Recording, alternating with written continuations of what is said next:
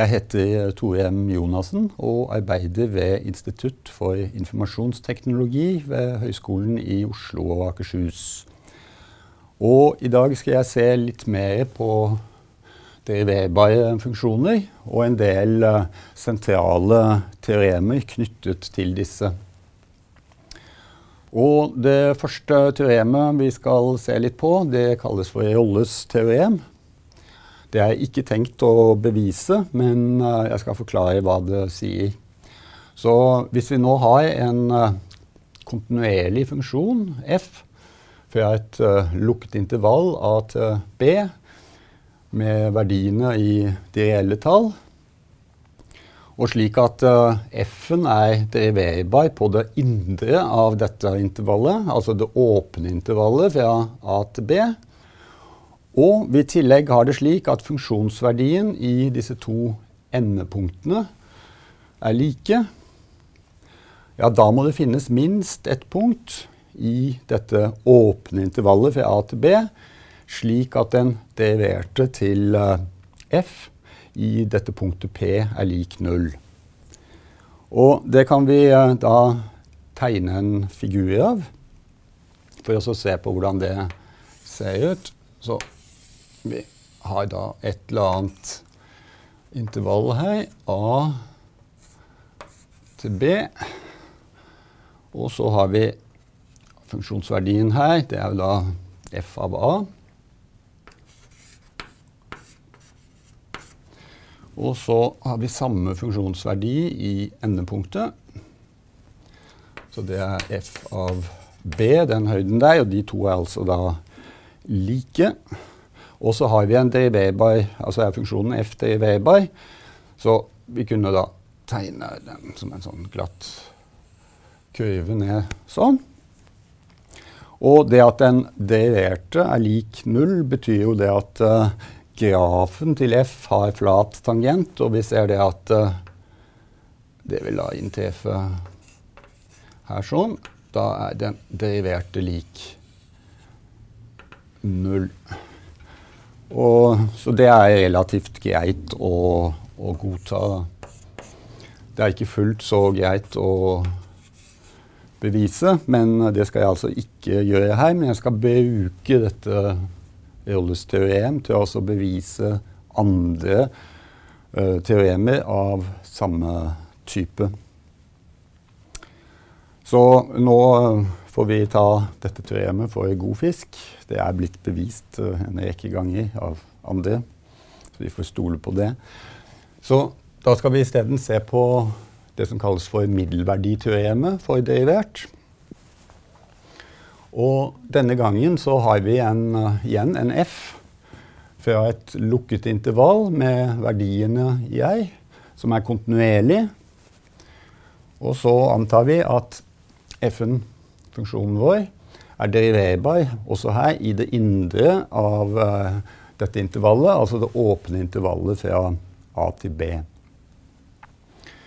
Og uh, da sier middelverditeoremet at det fins minst ett punkt i det indre, da, i det åpne intervallet, et punkt P, slik at den deriverte i punktet P er gitt ved funksjonsverdien i det ene endepunktet minus funksjonsverdien i det andre punktet, delt på lengden av intervallet.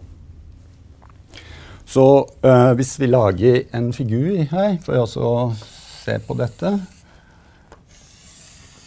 har vi x og y, og så kan vi ta a og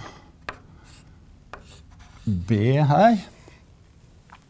Og her har vi ikke noen restriksjoner på Altså her har vi ikke satt f av b lik f av a, så de kan da være forskjellige. Så la oss si vi har f av a her. Det er høyden der. Og så har vi kanskje Høyden her er da f av b. Og så går denne funksjonen på en eller annen måte, siden den er deriverbar, glatt og pent mellom de to punktene. Og så får vi se på hva denne høyresiden her betyr. Jo, f av b minus f av a, det er jo da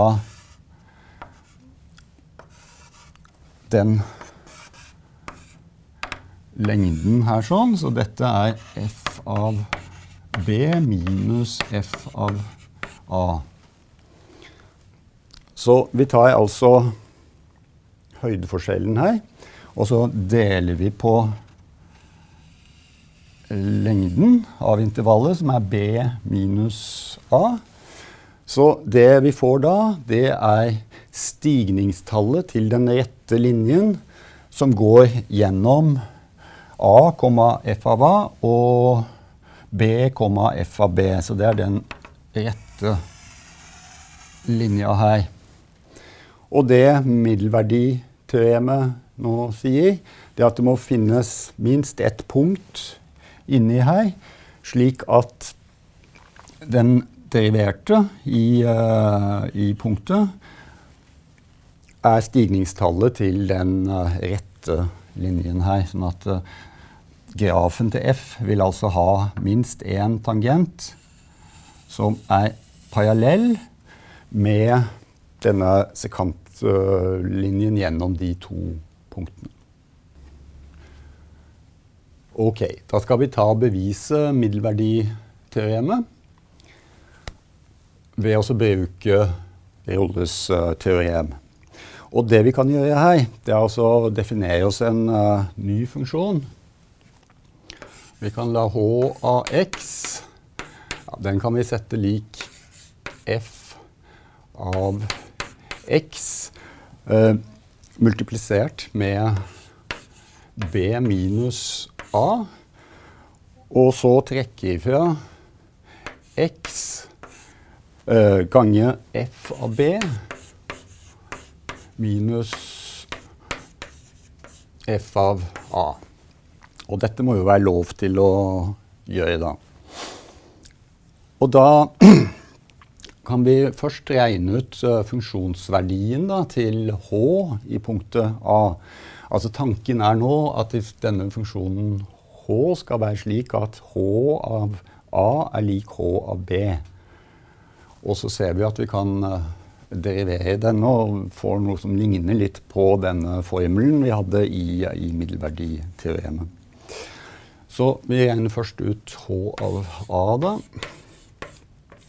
Og det vi får da, det er f av a ganger b minus a minus a ganger f av b minus f av a. Så. Og det vi står igjen med da, det er jo da b ganger med f av a minus a ganger med f av a. Og så får vi minus a ganger f av b.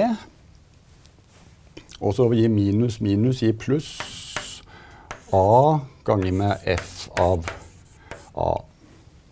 Da har vi regnet ut her. Og da ser vi at uh, i uh, denne siste linjen så har vi a ganger f av a med minus foran der. Og så har vi a ganger f av a med pluss foran der. Så de to leddene de vil da kansellere.